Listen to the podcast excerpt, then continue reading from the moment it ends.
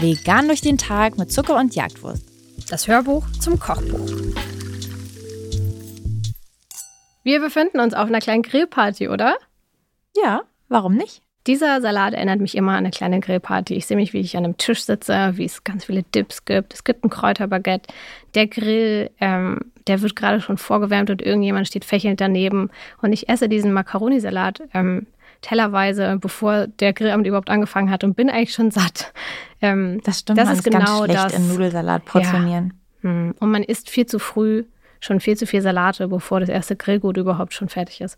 Naja, das ist meine Situation, in der ich mich befinde, wenn ich über diesen veganen Macaroni-Salat nachdenke. Da bin, aber sehe ich. Siehst ich du mich da auch. Ich habe diesen Salat definitiv auch schon für Grillabende gemacht.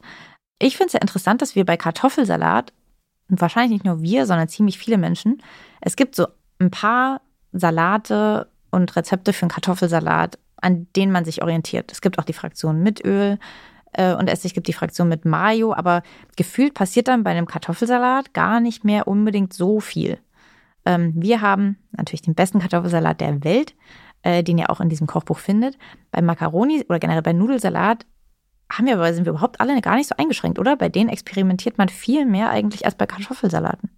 Hm, ja, es gibt gefühlt halt zwei Kartoffelsalate mit Essig und Öl oder mit Mayo und dann vielleicht noch ein bisschen Variation in den Kartoffeln. Aber ja, Nudelsalate sind diverser. Auf jeden Fall. Ähm, das hier, finde ich, ist einer meiner liebsten Nudelsalate. Deswegen ist er auch in dieses Kochbuch gekommen. Weil, und das meine ich jetzt eben überhaupt nicht shady, er erinnert mich so ein bisschen an so einen Fertigsalat. oder wie so ein Kantinsalat. Den sehe ich in der Schüssel, wie er irgendwo steht. Ähm, oder wie er auch abgepackt ist. Aber genau das weiß ich an ihm zu schätzen. Und ich glaube, es liegt eben an dem Dressing, dass er oft in so Fertigsalaten ist. Also es ist ein richtig leicht fettiges, cremiges Dressing. Ihr braucht dafür vegane Mayonnaise, ihr braucht Mandelmus und ihr braucht veganen Naturjoghurt. Ähm, ihr könntet davon auch Sachen reduzieren, Sachen weglassen, aber generell, ich finde, dieser Salat lebt vom Dressing. Er wird vom Dressing richtig getragen. Ja, aber er schmeckt ähm, ein bisschen wie ein frischerer Fertigsalat. Ich finde, er hat nicht dieses ähm, triefende Schwere, sondern durch den Joghurt, durch die Säure, durch den Zitronensaft ähm, schmeckt er viel, viel, viel frischer, als ihr es euch vielleicht vorstellt. Ähm, und ich finde, das hilft. Also, wenn ihr jetzt Fall. an einen Fertigsalat denkt, dann denkt an die beste Version, die ihr euch vorstellen könnt. ja, also ich sag mal so, wer einen richtig fettigen Salat will, der kann ja die Mengenangaben vom Joghurt und der Mayonnaise tauschen. Der kann das Verhältnis umdrehen. Dann hat er einen richtig fettigen Macaroni-Salat. Aber ja, du hast natürlich recht.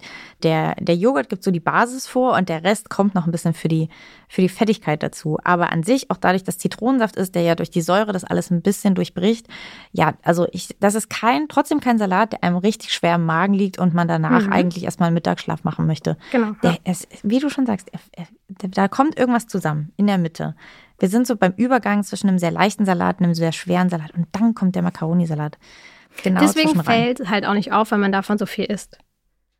Das geht einfach weg. Geht Generell finde ich weg. aber Macaroni auch eine der besten Nudelsorten. Mhm. Die kann man sehr, sehr viel essen. Aber ihr könnt es für dieses Rezept wahrscheinlich auch austauschen, oder? Definitiv. Ihr könnt alle Nudeln nehmen, die ihr möchtet. Ich finde das irgendwie Nur am Spaghetti schönsten. nicht.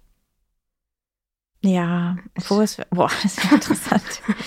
Na, probiert's vielleicht mal auch mit Spaghetti und sagt uns, wie es gepasst hat. Bei allen anderen Sachen auch da. Das ist ein sehr anpassbarer Salat. Ähm, alles an Gemüse könnt ihr nehmen, müsst ihr aber nicht. Könnt ihr kicken, könnt ihr ersetzen, womit ihr möchtet. Ja, ich kann euch aber nur empfehlen, am Ende tatsächlich diese Mandeln noch anzugeben, die auch ein bisschen geröstet werden. Das ist eine, nur eine kleine Sache, die dazukommt, aber dadurch kriegt ihr nochmal so einen Crunch, der im Prinzip alles noch abrundet. Weil ihr habt dann was Cremiges, ihr habt diesen leichten Biss von den Nudeln, ihr habt hoffentlich ein bisschen knackiges ähm, Gemüse und dann habt ihr aber noch diesen kleinen Crunch der Mandeln. Also ich würde es kaufen im Supermarkt. Ich auch. Und ich habe auch noch einen Tipp, ähm, wenn ihr den mal mitbringt zu FreundInnen, dann stellt erstmal nur die Hälfte auf den Tisch. Und die andere ist Und die dir. andere haltet ihr zurück, sonst bleibt wieder nichts übrig, bis das Grillen eigentlich losgeht. Nur so kleiner Tipp. Na dann,